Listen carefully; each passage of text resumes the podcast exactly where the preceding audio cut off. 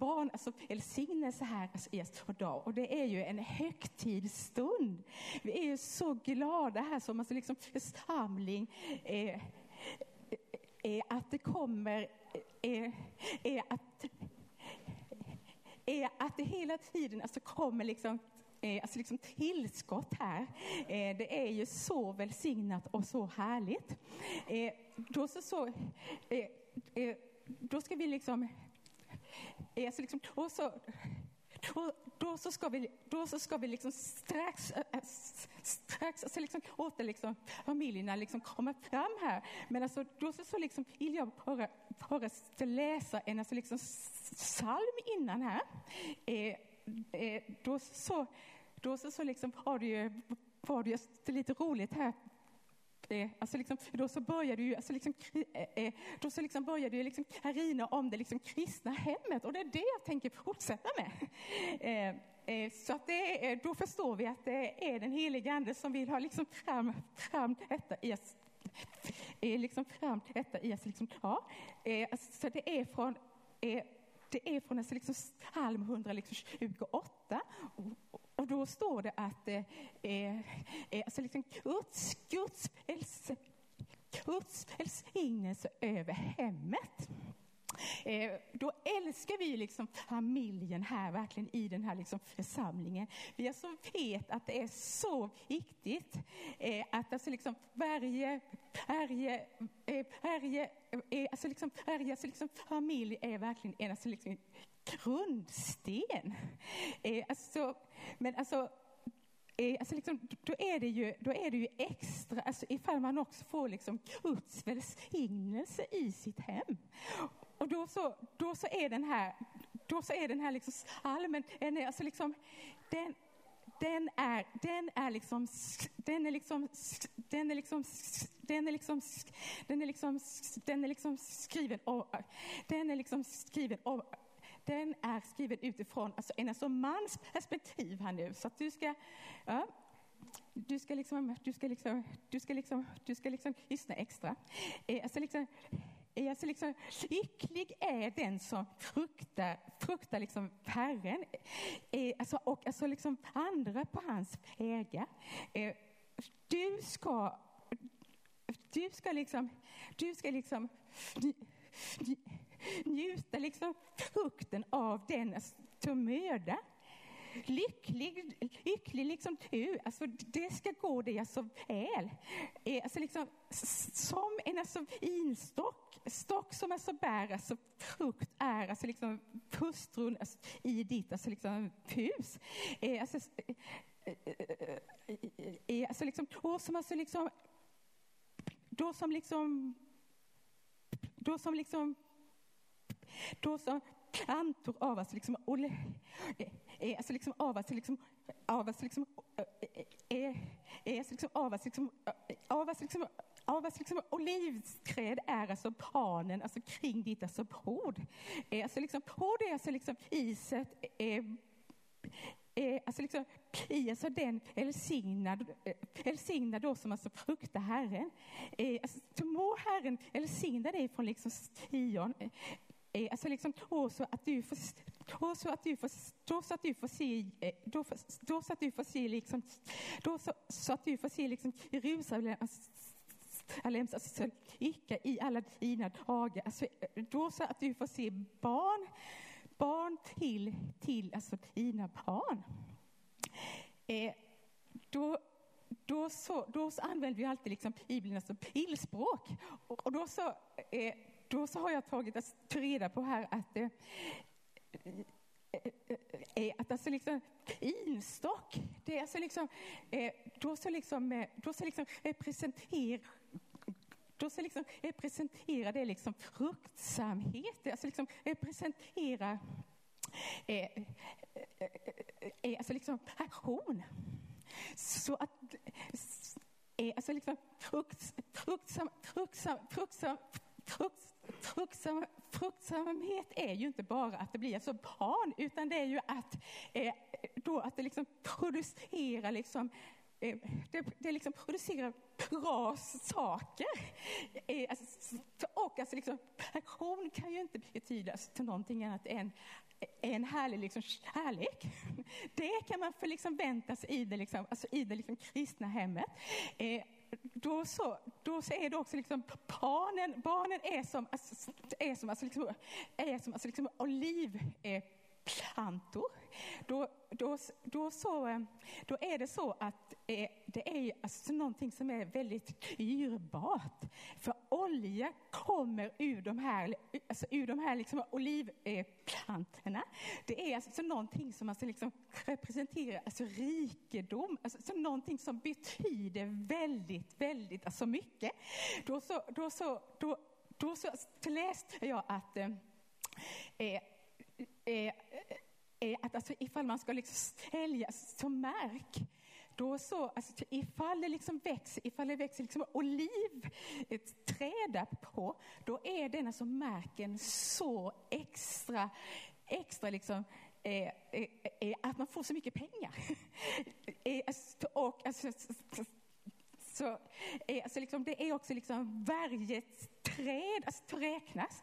Så att ifall du har tio liksom, träd så är det, är det liksom så här som icke, så att det, så att det liksom betyder ju att det liksom är, Alltså liksom, och så, så liksom betyder det ju att alltså liksom par alltså, och en är så liksom betydelsefull. Liksom, alltså, det är så, alltså, det är så, så mycket liksom kort som det kommer liksom, alltså, till ur alltså, liksom var, alltså, är, är alltså, liksom var, alltså, var, alltså, var alltså, och ett alltså, är barn som alltså liksom, du har liksom är alltså liksom, och som du har blivit alltså välsignad alltså med. Är, alltså, är alltså liksom, Guds, Guds, alltså liksom, Guds alltså, välsignelse är ju något alltså påtagligt och det är något stort och det är verkligen en alltså gåva. Eh, då så, då så, så, så tänk, tänker jag att eh, är, alltså, de som du alltså på, alltså verkar som mest i ditt alltså, liv, det är faktiskt din alltså, familj. Det är alltså, det som alltså pågår hela tiden. Eh, alltså, och det är eh, eh, eh, alltså det är alltså något som har liksom blivit oss anförtrott av alltså Gud. Eh, då är det underbart att eh, att alltså liksom inna hela liksom världen, alltså det ska vi liksom göra. Men alltså liksom är alltså liksom, alltså, alltså, liksom familjen, det är vårt, alltså, det är vårt alltså, till nummer ett. Alltså, och alltså, liksom, där kan vi också liksom, verkligen där kan vi också liksom, verkligen alltså, liksom, räkna med liksom, kuts, alltså, liksom, kuts, alltså, liksom, kuts, alltså, liksom, hjälp. Då får vi liksom be om vad som helst i alltså våra liksom familjer. Eh, alltså, han vill liksom verkligen liksom hjälpa oss med enkla små liksom saker Alltså, och han vill, han vill också liksom hjälpa oss, alltså, då vill han också liksom hjälpa oss att få med oss liksom stora, stora, liksom jobbiga, liksom, jobbiga alltså liksom, grejer också. Men alltid, alltid kan vi alltså räkna med hans alltså hjälp och hans alltså ledning i alltså våra liksom familjer. Bara för att du liksom fruktar Herren. Ditt, ditt hem är alltså liksom, eller, är, alltså ditt ditt hem är alltså liksom välsignat. Eh, alltså, eh, eh, eh, alltså liksom, och så har också liksom Gud alltså en plan för liksom varje liksom familj. Gud har också en alltså liksom plan för liksom varje, varje liksom person. I liksom varje liksom barn. Då så, då så, då så, då så, då så, så kan man få sig liksom då så, då så kan man få liksom frågorna så när så liksom barnen, barnen är liksom när alltså barnen är små. Ja, men liksom var någonstans var jag när alltså ni liksom gifte er? Varför var inte jag med på era bröllop? Eller, eller ja, då undrar de. Eh, eh, eh, alltså liksom, och då, då, då så brukar jag eller ja, jo, jag brukar fortfarande, eller brukar säga att eh, då så liksom fanns du i alltså liksom Guds alltså hjärta, men du hade inte kommit hit än. Eh, eh, för att det är inget barn är en eh, eh, alltså inget alltså liksom plan har liksom kommit, eh, eh, kommit av en slump utan alla är planerade ifrån liksom första början. Innan, innan alltså, eh, alltså eh,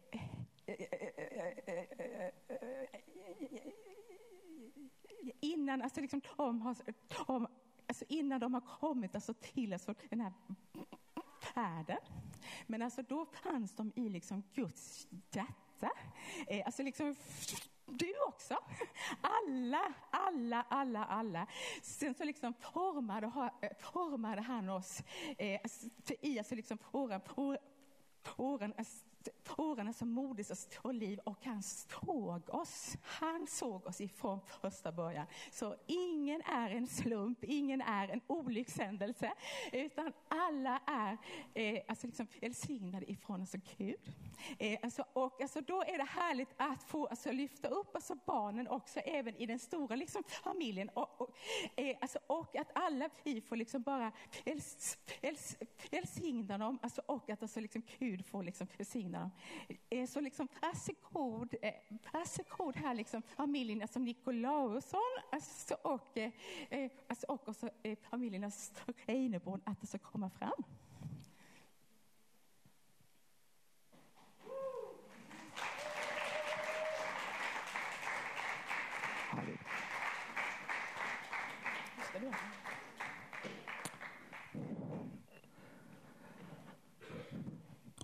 Härligt.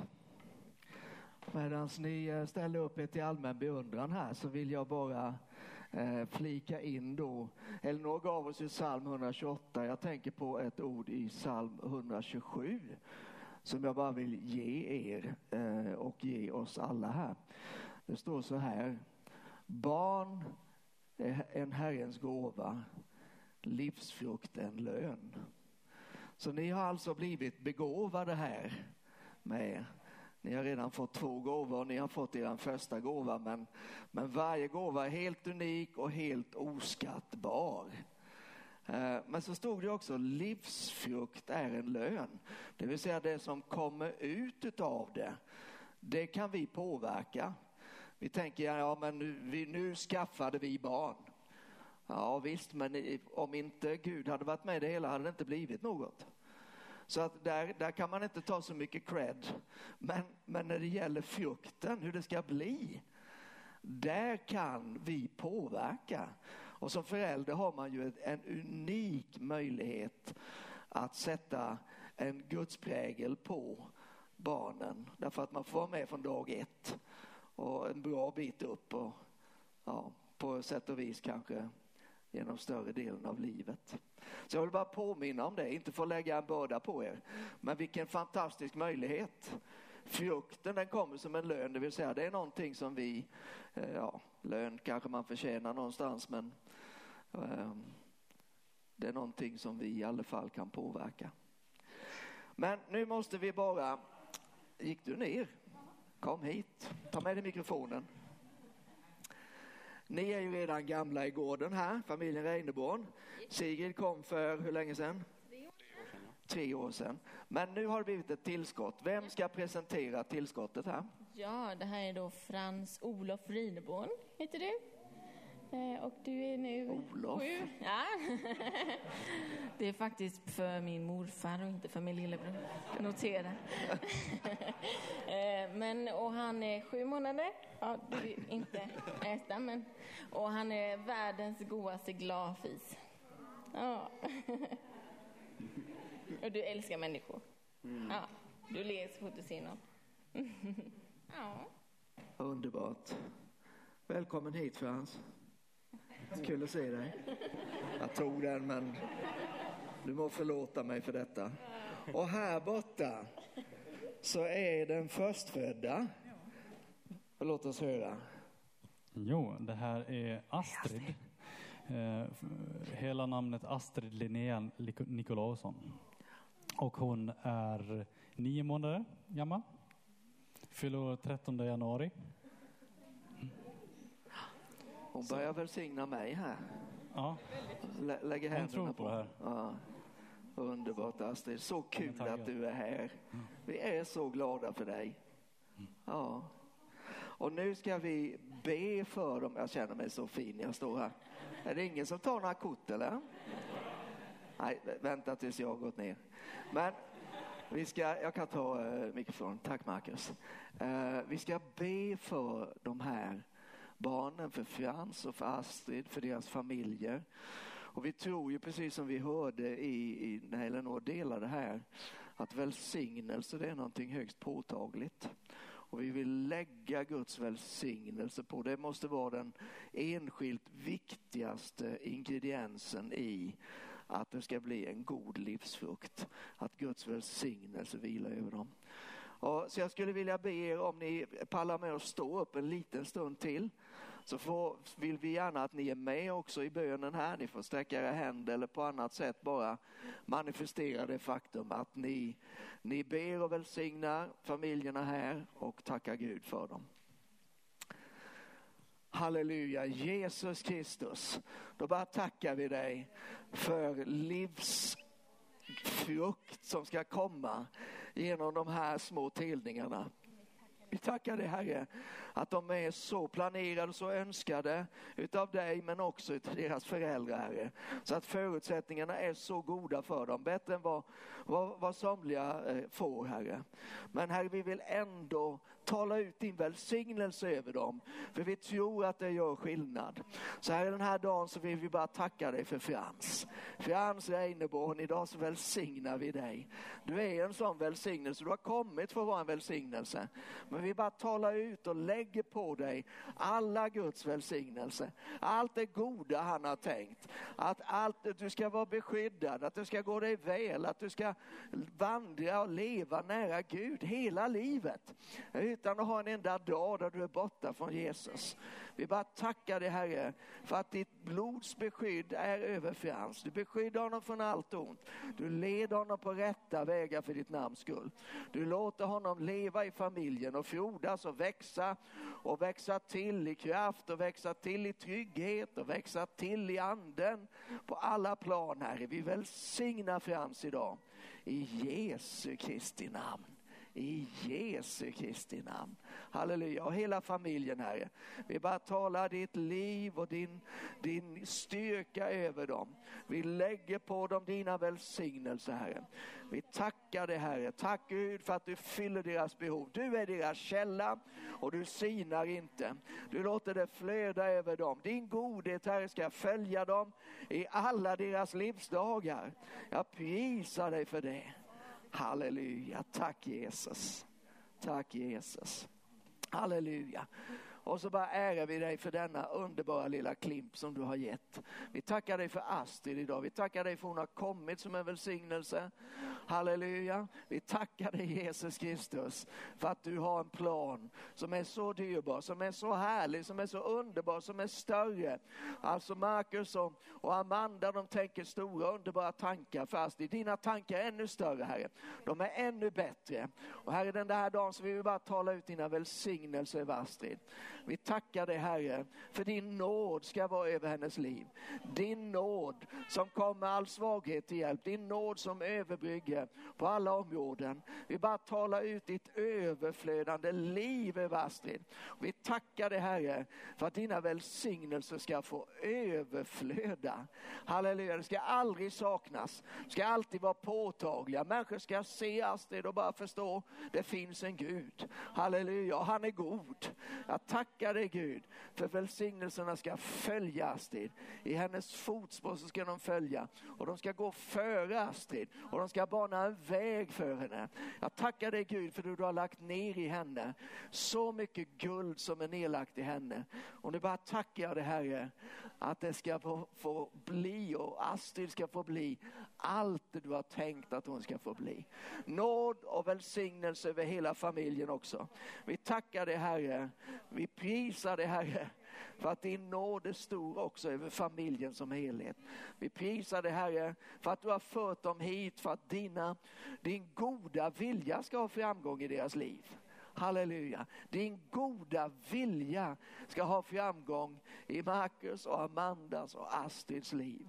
Halleluja.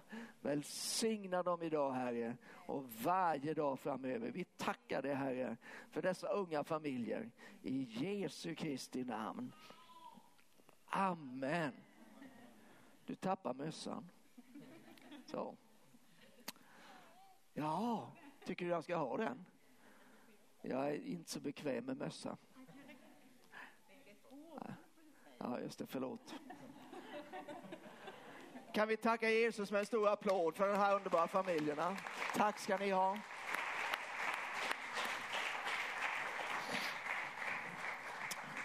Varsågod och sitt ner. Jag vill bara stämma in i det som Karina sa inledningsvis. Det är en jättestor glädje att eh, se er här idag i kyrkan och att se er lite mer i tron så. Eh, ni som är med bort i bihuset och ni som är med där hemma. Men alla ska ni känna er precis lika välkomna.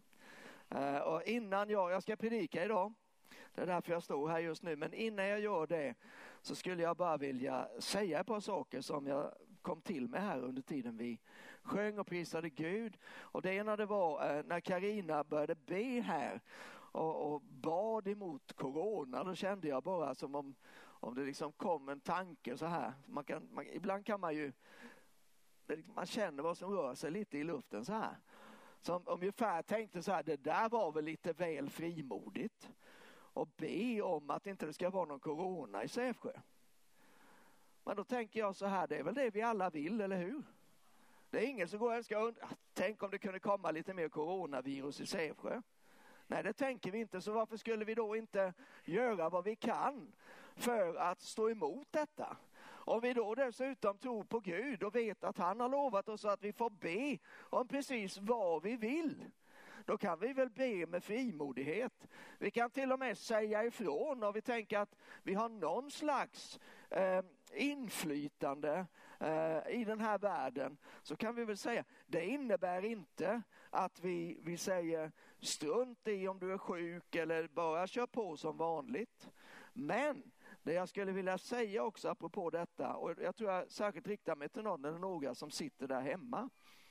Det är det, den här situationen som är nu, jag tror att precis som alla andra situationer i hela livet så finns det en möjlighet att låta Gud få ha ett stort inflytande i situationen. Eller också, för det brukar vara antingen eller, att låta den onde försöka påverka. Och då känner vi ju alla spontant, det är nog bättre att Gud påverkar. Men om vi bara funderar ett ögonblick över vad skulle den onde ha, kunna ha för påverkan eh, i den här situationen? Jo, han skulle älska och bara isolera oss hålla oss lite på distans. Distans ifrån de andra, distans ifrån Gud om möjligt. Och jag tror att, att det är en risk att, att vi kan bli isolerade. Eh, och, och, varför blir vi det? Jo, djupast sett blir vi det inte därför att vi är sjuka eller inte sjuka, utan vi blir det därför att det kommer en, en rädsla, en fruktan emot oss.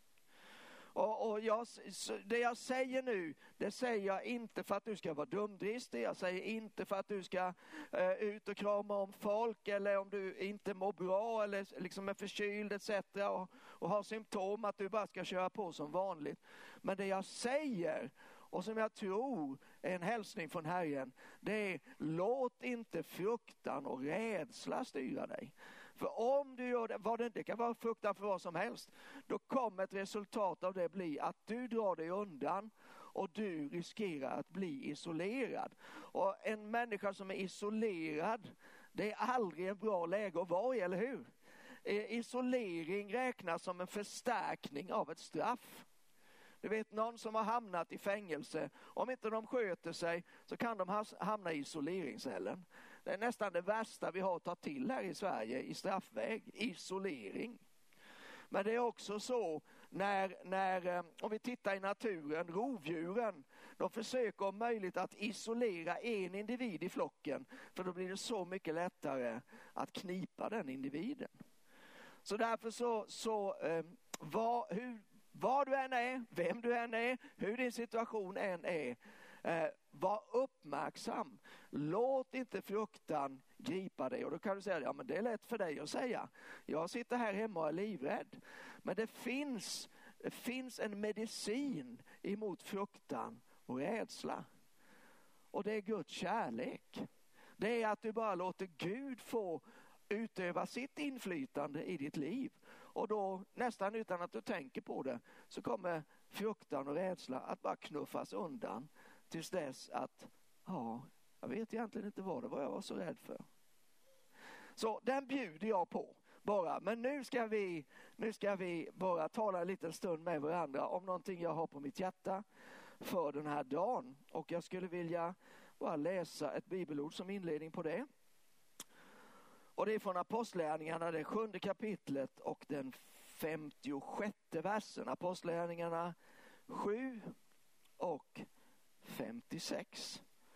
Och då står det så här. Han sa, se, jag ser himlen öppen och människosonen står på Guds högra sida. Jesus, vi bara ber att du ska tala, att du ska verka för oss idag. Att det som ligger på ditt hjärta ska komma på vårt hjärta. Jesus, jag ber att din nåd ska vara stor över ordet. Helige Ande, jag ber att du ska hjälpa oss och se det vi behöver se. Jag ber Herre att för var och en som lyssnar att ingenting ska kunna stjäla det som du vill ge till oss var och en idag. Amen. Se, jag ser himlen öppen. Det är mitt, eh, min titel idag, eh, ungefär.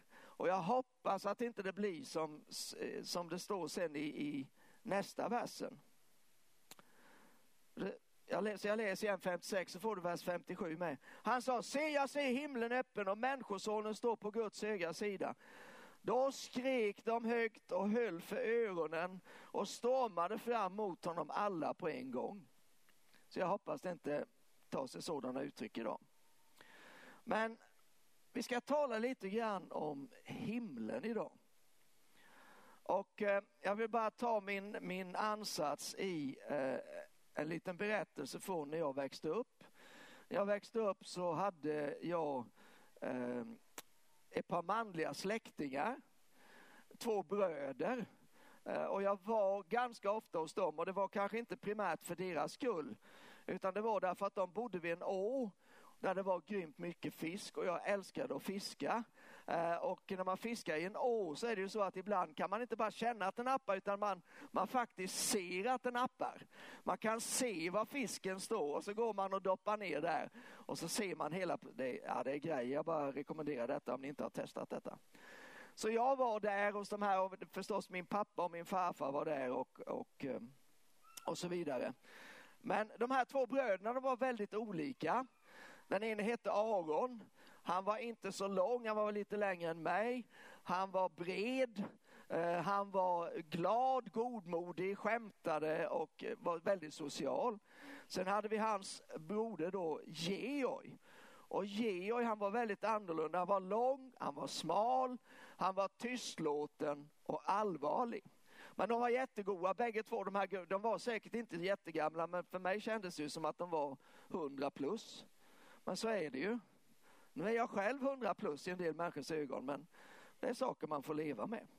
Men jag tror att det är mamma som har berättat för mig att en gång hade de med bröderna och de var på en begravning. Vem som hade dött vet jag inte men de var på en begravning. Och på vägen hem från begravningen så, så sitter Georg i baksätet. Och han har inte sagt någonting på hela dagen och det är, det är inte så. Begravning snackar man inte en massa men han har varit precis tyst. Men plötsligt så hör de från baksätet säger han så här. Det är en psalm i psalmboken som jag tycker är särskilt fin. Och så säger han inget mer.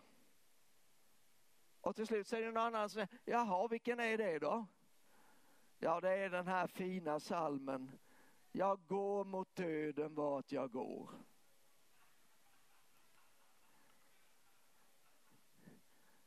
Det är ju precis det man vill höra när man är på hemväg från en begravning, eller hur? Och den här salmen den, den är ju sann. Den uttrycker en absolut sanning. Är det någonting vi människor kan vara säkra på så är det att vi går mot döden. Eh, om vi lever tillräckligt länge här på jorden och ibland inte alls länge så är döden det är egentligen nästan det enda man kan vara säker på.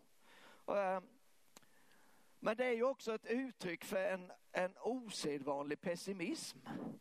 Och det passade ju väldigt bra på Georg, som jag kände Georg då, för att han var ganska pessimistiskt lagd.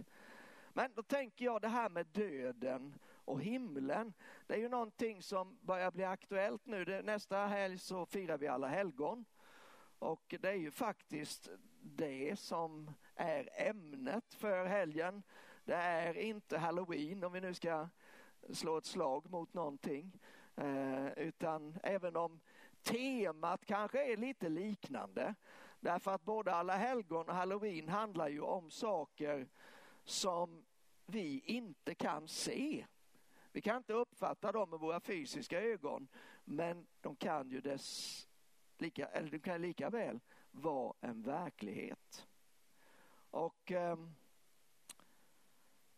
när det blir alla helgon då tänker man, jag menar det är vanligt att man går till kyrkogården, man, man tänder ett ljus, kanske lägger en krans på någon anhörigs grav. Vi tänker på dem som inte längre är ibland oss. Vi saknar dem.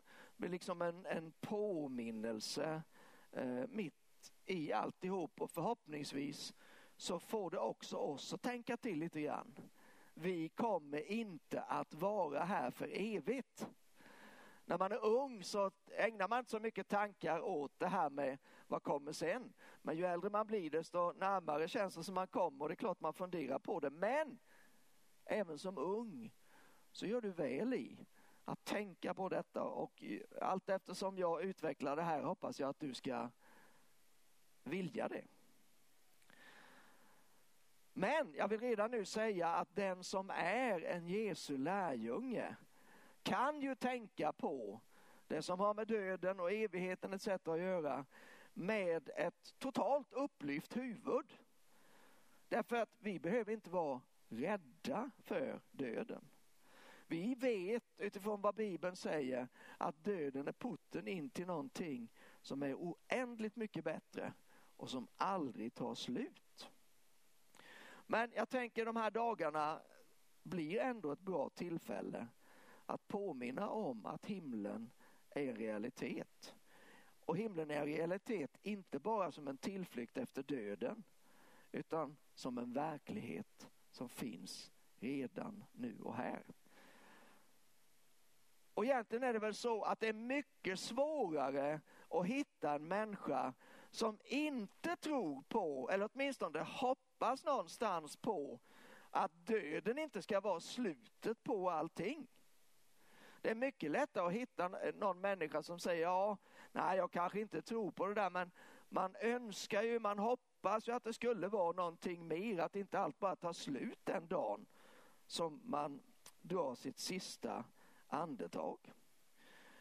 Alltså muslimerna de, de bär ett hopp om, om paradiset. Hinduerna de drömmer om nirvana.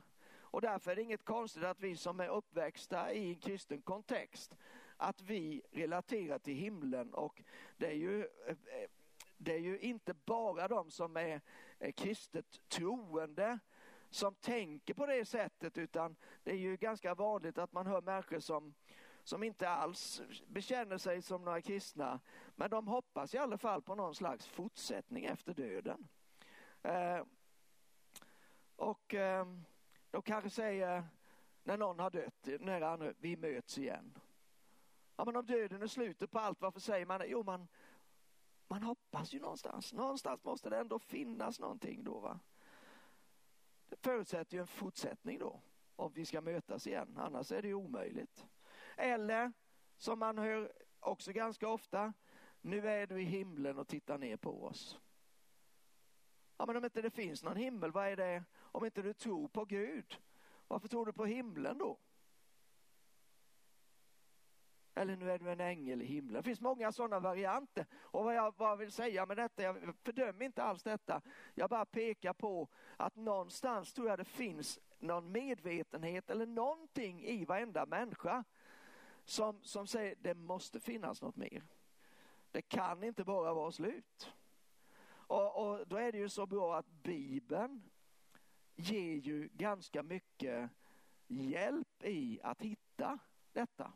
Att förstå detta, att se vad det egentligen är för någonting. Men alldeles oavsett om man tror eller inte så verkar det vara så att himlen alltid förknippas med det som är gott. Bara gott. Och det, det är inte så konstigt det heller därför att, att när Bibeln beskriver himlen så är det en extremt positiv beskrivning utav någonting. Det säger till exempel att i himlen så finns det ingen sjukdom, det finns ingen smärta, det finns ingen rädsla, det finns ingen ensamhet, det finns inget mörker, det finns ingen död. Allt är bara precis på det sättet som vi önskar att det skulle vara, men som det nästan aldrig helt och fullt är här på den här jorden. Men jag tänker på vad är det då som gör himlen till himlen? Hur kommer det sig att himlen alltid beskrivs som en perfekt plats? Är det för att vi människor vill skapa oss någon slags drömbild av eller något, något ouppnåeligt mål av att tänk om vi ändå kunde nå dit där allting bara faller på plats. Där allting är så mycket bättre. Där allting är perfekt. Eller kan det bero på det här som jag redan har nämnt om den här känslan av att det måste finnas någonting mer, någonting utanför detta som vi kan uppfatta med våra fem sinnen. Därför vill jag skicka med dig ett par tankar i all enkelhet om himlen den här dagen. Kan det vara så att himlen är himlen därför att Gud är där? Eller med andra ord, det är Gud som gör himlen himmelsk. En himmel utan Gud skulle inte vara en himmel.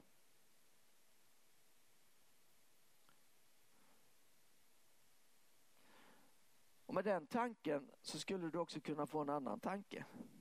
Om himlen är det den är därför att Gud är här, eller där, förlåt, så borde det betyda att om vi närmar oss Gud så närmar vi oss himlen. Redan nu, redan här. Och jag tänker att det är lite så som Bibeln pekar rakt igenom. Pekar just åt det hållet. Att Gud och himlen är väldigt intimt sammanflätade. Om man börjar i början på, på boken här. Och, och jag ska inte eh, läsa alla verserna här utan jag bara relatera till dem. Men vi vet allesammans vad det står i början på Bibeln. Det står i begynnelsen skapade Gud och jord. Ja. Så att Gud är ju upphovet till himlen. Eh, och bara det bör ge oss någon slags fingervisning.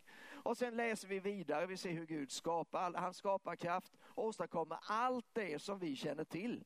Det är Gud som ligger bakom det och som låter det bli en verklighet. Och till sist så gör Gud människan. Och sen kan vi läsa direkt och vi kommer fram i äh, första Mosebok, andra kapitlet och åttonde versen. Så står det så här, Herren Gud planterade en lustgård i Eden österut. Satte där människan som han hade format. Och sen läser vi vidare om lustgården och då ser vi att det finns ett överflöd av allt som Gud har skapat. Det som är ljuvligt att se på och gott att äta av. Vi läser om fyra floder som vattnar det här landet. Vi läser om guld och vi läser om andra, massa andra rikedomar. Och så får vi för första gången höra om någonting som heter livets träd. Det är ju inte så märkligt att vi människor har gett det där platsen Eden då, vi har gett det namnet paradiset. Därför att det, det innehåller allt det som vi människor kan drömma om. Allt det som vi djupast sett längtar efter och vill ha. Och jag har ju eh, eh, haft tider då jag har drömt om vissa grejer utifrån Bibeln. Jag har till exempel drömt om, tänk att göra en expedition upp på Ararats sluttningar och hitta Noas ark. Det finns ju de som har gjort det, det finns de som påstår sig ha hittat den. Jag vet inte om det är så, men det, det triggar någonting i mig. Men någonting annat som jag tror, tänk om man kunde hitta Edens lustgård. Jag var i alla fall här på jorden som den var, eller hur? Men jag har inte haft råd att göra den här expeditionen än. Och jag vet inte riktigt var jag skulle leta heller österut. Det är ett väldigt vitt begrepp så va. Man kan gå österut rätt många varv. Ja, men eh, vi släpper det. Men, men om vi bara tänker på, på Eden då, vad representerar det? Vad står det för? Ja, vi ser ju att ifrån berättelsen i, i början på Bibeln att Gud kom och Gud hade gemenskap med människorna i Eden. Så då tänker jag det måste på något sätt vara förknippat med att Gud är närvarande. Om min tanke om att himlen är himlen därför att Gud är där så betyder det att då var Eden någon slags representation av himlen här på den här jorden. Och fortsätter man och läser eh, i den bibliska historien så ser vi att Gud han håller på hela tiden och söker kontakt med människor och bara för han vill vara nära människorna. Han ger Mose instruktioner om Mose bygger ett tält som kallas för tabernaklet. Därför att Gud sa, jag vill bo mitt ibland mitt folk. Gud ville vara närvarande och, och, vi ser av berättelsen att när Gud flyttade in i tältet, ja då var det väldigt, det var väldigt påtaglig närvaro. Det var inte så bara, vi tror att Gud är här någonstans. Det är i och för sig ingen som har sett honom men, hallå! Nej, alla visste Gud är där. Och sen så går det vidare och, och ehm, David får instruktionerna att bygga templet, Salomo bygger det och när Salomo inviger templet, vad händer? Igen så flyttar Gud in på ett så påtagligt sätt. Om det är så att himlen är himlen, därför att Gud är där, så var både Eden och tabernaklet och templet någon slags representation av himlen. Och går vi sen in i Nya Testamentet, som ju är, är centrerat kring Jesus, så vet vi att precis innan Jesus träder fram så kommer Johannes döparen. Och Johannes döparen har fått en uppgift av Gud. Han ska göra folket redo, han ska bana en väg för Messias. Och när Johannes kommer så har han ett väldigt enkelt budskap. Han säger omvänd er, för Guds rike är nära. Ibland står det Guds rike, ibland står det himmelriket. Så, så det finns någon slags koppling där. Och sen kommer då Jesus. Och när Jesus kommer, ja, då har han samma budskap men han spetsar till det ytterligare. Ganska rejält egentligen. För han säger, nu har Guds rike kommit. Nu är himmelriket här.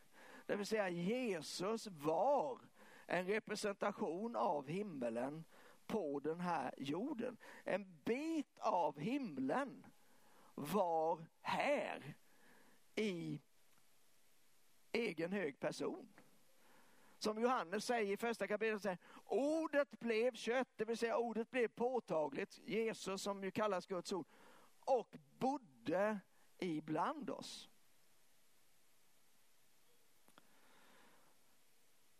Vi tar ytterligare ett skutt. Vi skuttar ganska friskt här från första bladet och till typ sista bladet i Bibeln. Eh, I Uppenbarelseboken, som den sista boken heter, så är en slags beskrivning av det vi uppfattar som tidens slut. Precis som tiden har ett början. I begynnelsen skapade Gud himmel, det var början. Så säger Bibeln att det kommer ett slut på den här tiden. Uppenbarelseboken är en slags beskrivning av detta och i slutet av Uppenbarelseboken så går det väldigt mycket över i en beskrivning av himmelen.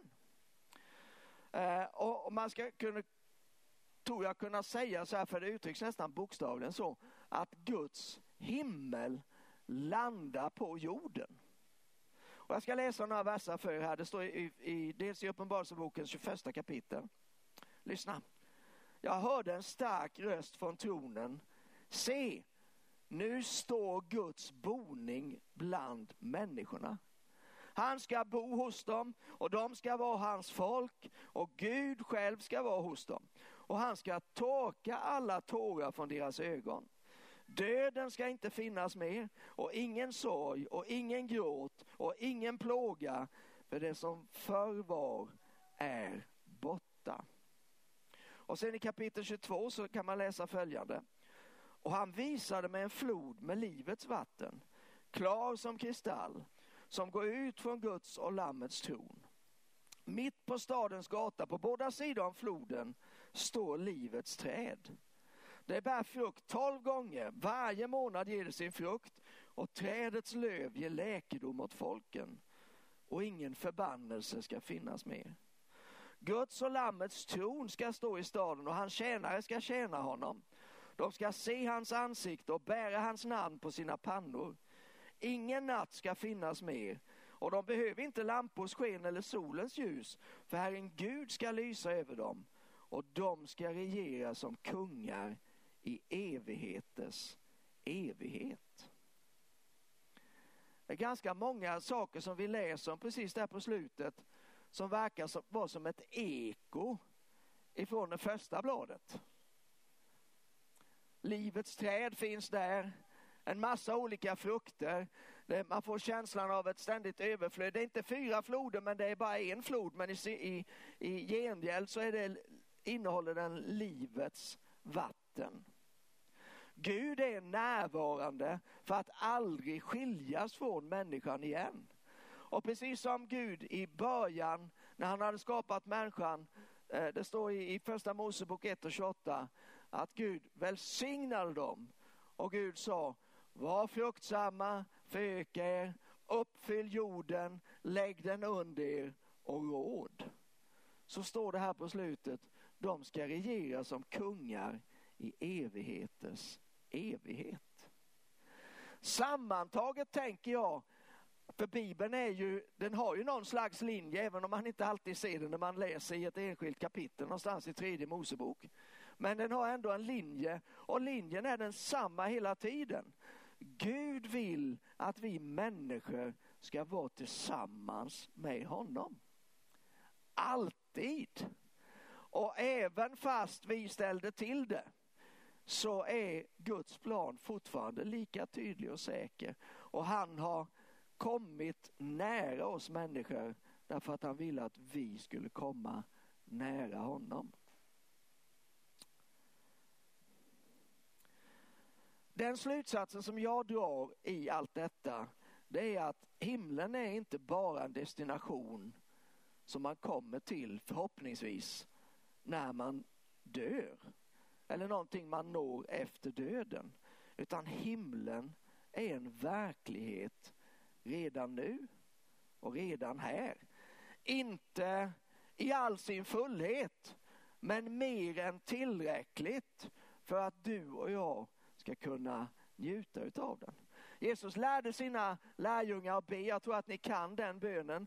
Fader vår som är i kommer himlen igen ja.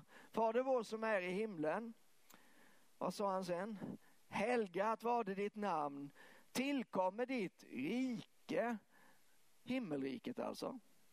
Ske din vilja så som i himmelen så och på jorden. Det vill säga Gud vill att det ska vara himmel redan här på jorden. Det här kanske är en, en ny eller en annorlunda tanke för dig, men jag vill bara be dig, du behöver inte köpa allting, men tänk efter. Tänk på det du känner till ifrån Bibeln, eller om du inte känner till Bibeln, läs i Bibeln och se själv. Därför att jag tror att det här, det här är ganska viktigt. Eh, det, kristen tro går inte ut på att klara sig undan helvetet eller skärselden eller vad vi nu kallar det eh, och, och liksom rädda sig in i himlen. Utan det går ut på att Guds rike ska komma redan i den här tiden och det ska ta över alltihop. Och så ska det förbli evighet. Jag tänker att om himlen är tillgänglig redan nu, då faller ju hela tanken på att ja, men jag ska försäkra mig om en biljett till himlen eh, strax innan jag dör. En del människor tänker ju så. Man, nej, jag, jag ska, först ska jag ha roligt och sen ska jag skaffa familj och sen måste jag tänka på karriären och sen ska jag lägga rikedomar på hög och sen när jag börjar bli gammal och skröplig och fått ha allt kul, då kanske jag säger ja till Jesus. Men om himlen är redan nu, då faller ju hela idén sönder och samman. Eller? Ja, jag tänker det. Om det finns ett sätt att få, få tag på något av det fantastiska som himlen innebär så verkar det ju fullständigt galet och istället försöka att mätta sina behov eller uppfylla sina önskningar med det som jorden har att erbjuda.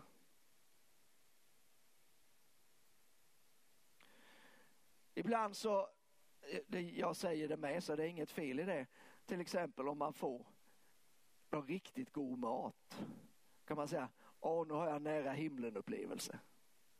Det här är så nära himlen man kan komma, raggmunk med fläsk. Det funkar bara på den manliga halvan utav, utav mänskligheten, jag vet det. Men, men ehm, och det, det, det är helt okej okay att säga det eftersom jag säger det måste ju vara okej, okay, eller hur? Men, men eh, sanningen är ju att himlen är så oändligt mycket bättre än allt som jorden har att erbjuda. Om vi säger att den, den sämsta dagen i himlen är skyhögt mycket bättre än den, förlåt, den, den sämsta dagen i himlen är absolut mycket bättre än den bästa dagen på jorden.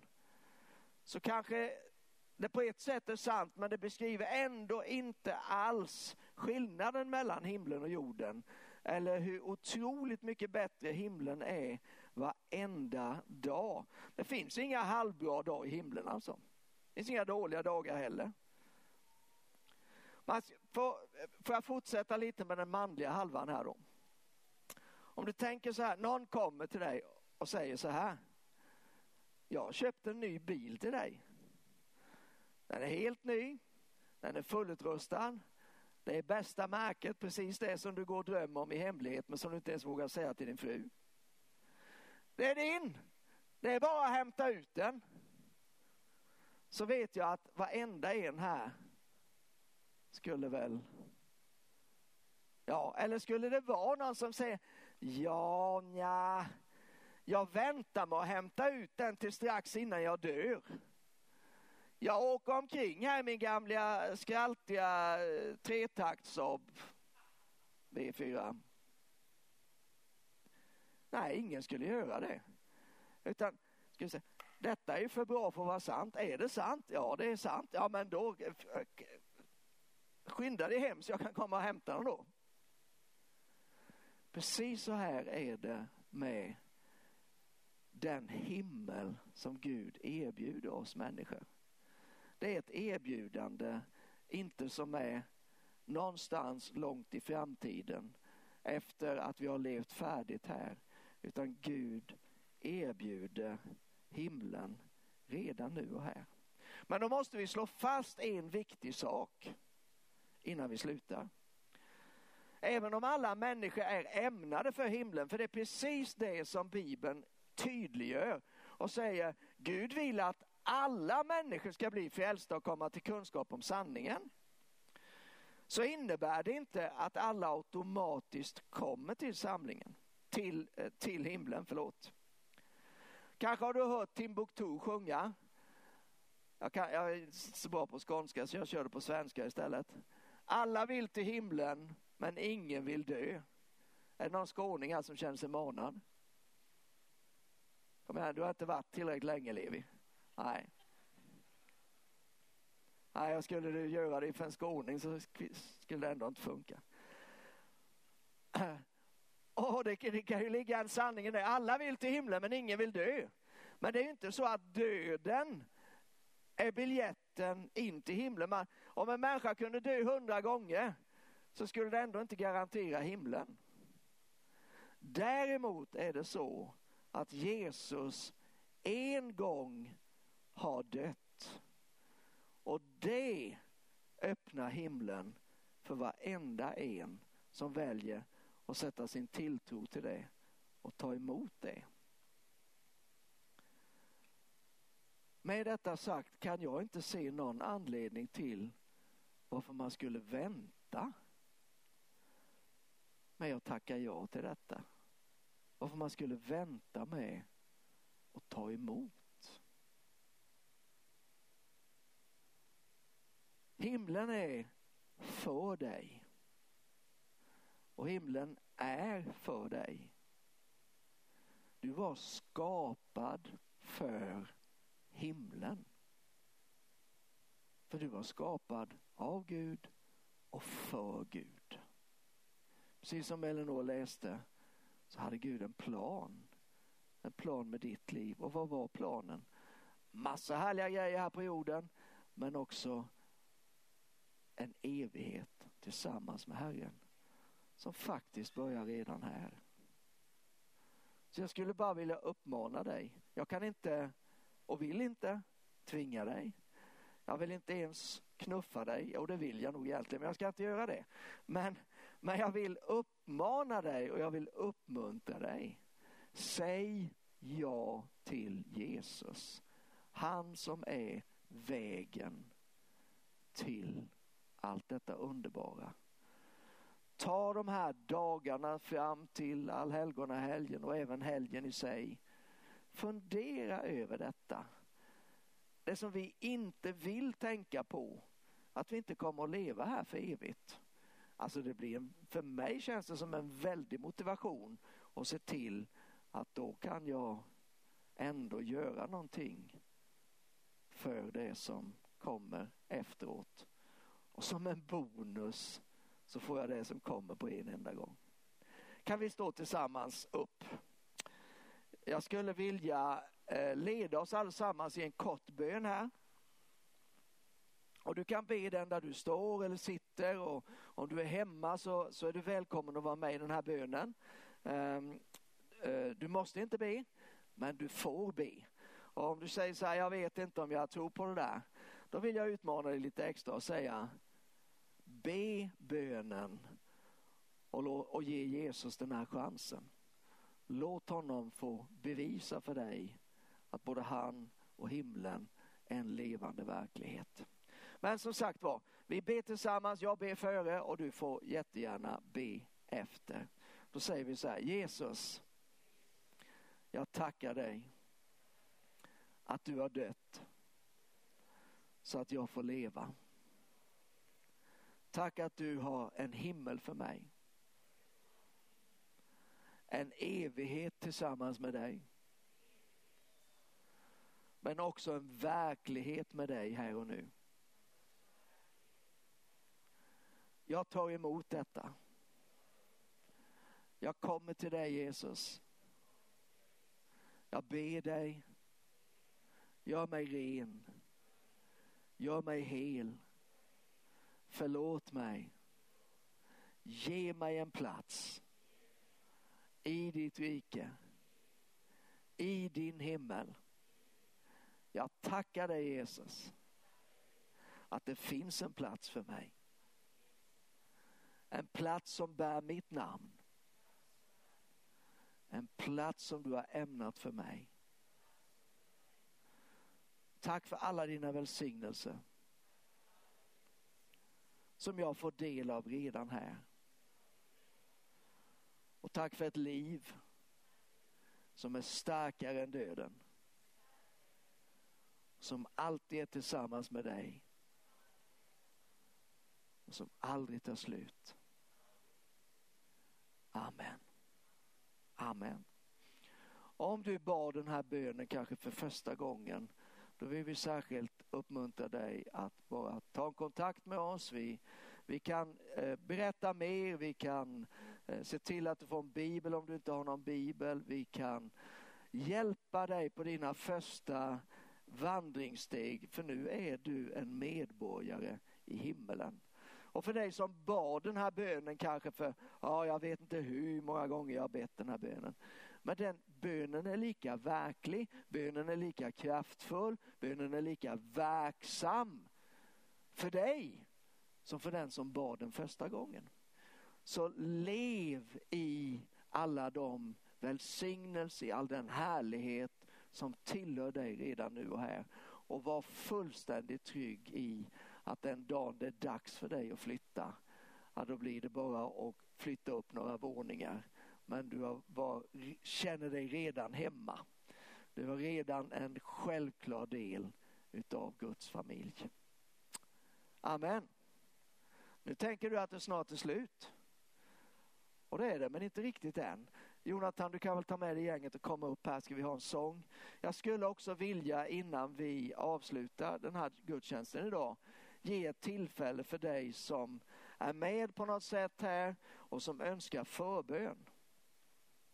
Eh, jag upplevde i, när jag stod här nere förut att det finns någon återigen, du, jag, jag, jag, nästan såg det, du satt i en soffa där hemma och, och lyssnade. Jag hoppas du sitter kvar än. Men eh, du känner dig så ensam. Du känner dig, den, den här isoleringen kanske som jag talade om eh, lite när jag först ställde mig här uppe. Eh, men någon eller kanske det flera som, som brottas just med detta, en känsla av utanförskap, en känsla av att inte riktigt vara med, att inte riktigt tillhöra. Och jag tror att Jesus vill på ett speciellt sätt komma till dig, du som lever med den, den eh, eller har den upplevelsen att, att Jesus kommer bara överväldiga dig med sin närvaro och sin härlighet. Men du behöver också, precis som, som jag försökte säga här inledningsvis, du behöver se till att inte du låter den här isoleringen och den här eh, som kommer emot dig för att försöka skilja bort dig. Att du inte accepterar detta. Att du bara tar Gud i handen och säger Gud du måste leda mig ut ur det här. Jag vill inte vara ensam, jag vill inte vara isolerad, jag vill inte plågas av den här känslan av att vara liksom ensam i världen även när det är massa människor runt omkring mig. Men jag vill be för dig, eh, men jag vill också be för vem du än är som eh, har ett behov. Kanske behöver du läkedom till kroppen eller till själen. Kanske står du i utmaningar rent ekonomiskt. Kanske är det jobbigt i familjen, i relationerna med barnen. Jag menar, världen är som den är. Men vi vet att Gud vill låta himmelriket landa i varenda situation. Och vi vill be, ske din vilja så som i himlen där allting är perfekt, där allting är bara underbart. Så ber vi att den viljan vill vi ska ske här. Här på den här jorden, här just i din situation. Så att om du bara vill vara inkluderad i förbönen, vi bjuder inte, eh, vi gör ingen lång inbjudan här. Men jag vill, om du vill vara med i förbönen, lyft upp din hand bara som ett tecken var du än är. Eh, om du är här i kyrkan, om du är hemma, håll upp den i alla fall. Gud ser. Det blir ett tecken på att du tror sträcker dig till honom. Så håller du upp din hand och så bara ber vi tillsammans.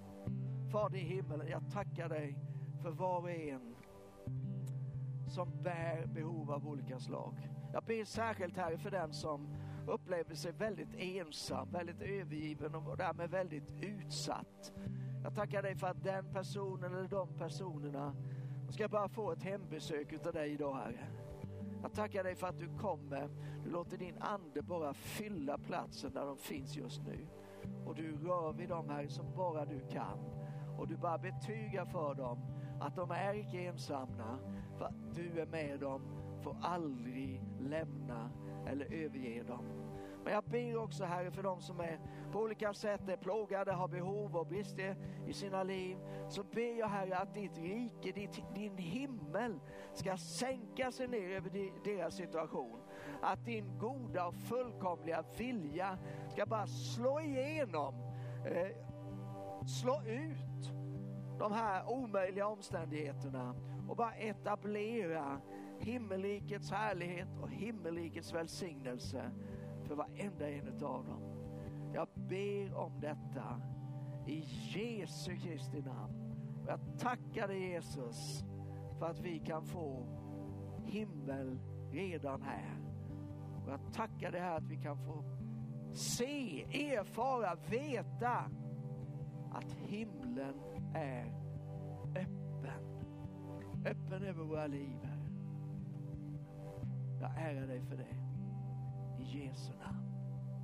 Amen. Ska vi stå upp tillsammans och bara avsluta den här gudstjänsten med och sjunga någonting. Halleluja. Jag tror det finns en bra sång här. Jag ser ingen inta denna plats. Jag ser änglar tillbe dig, helige, och jag till din ära. Du är värd, värdig.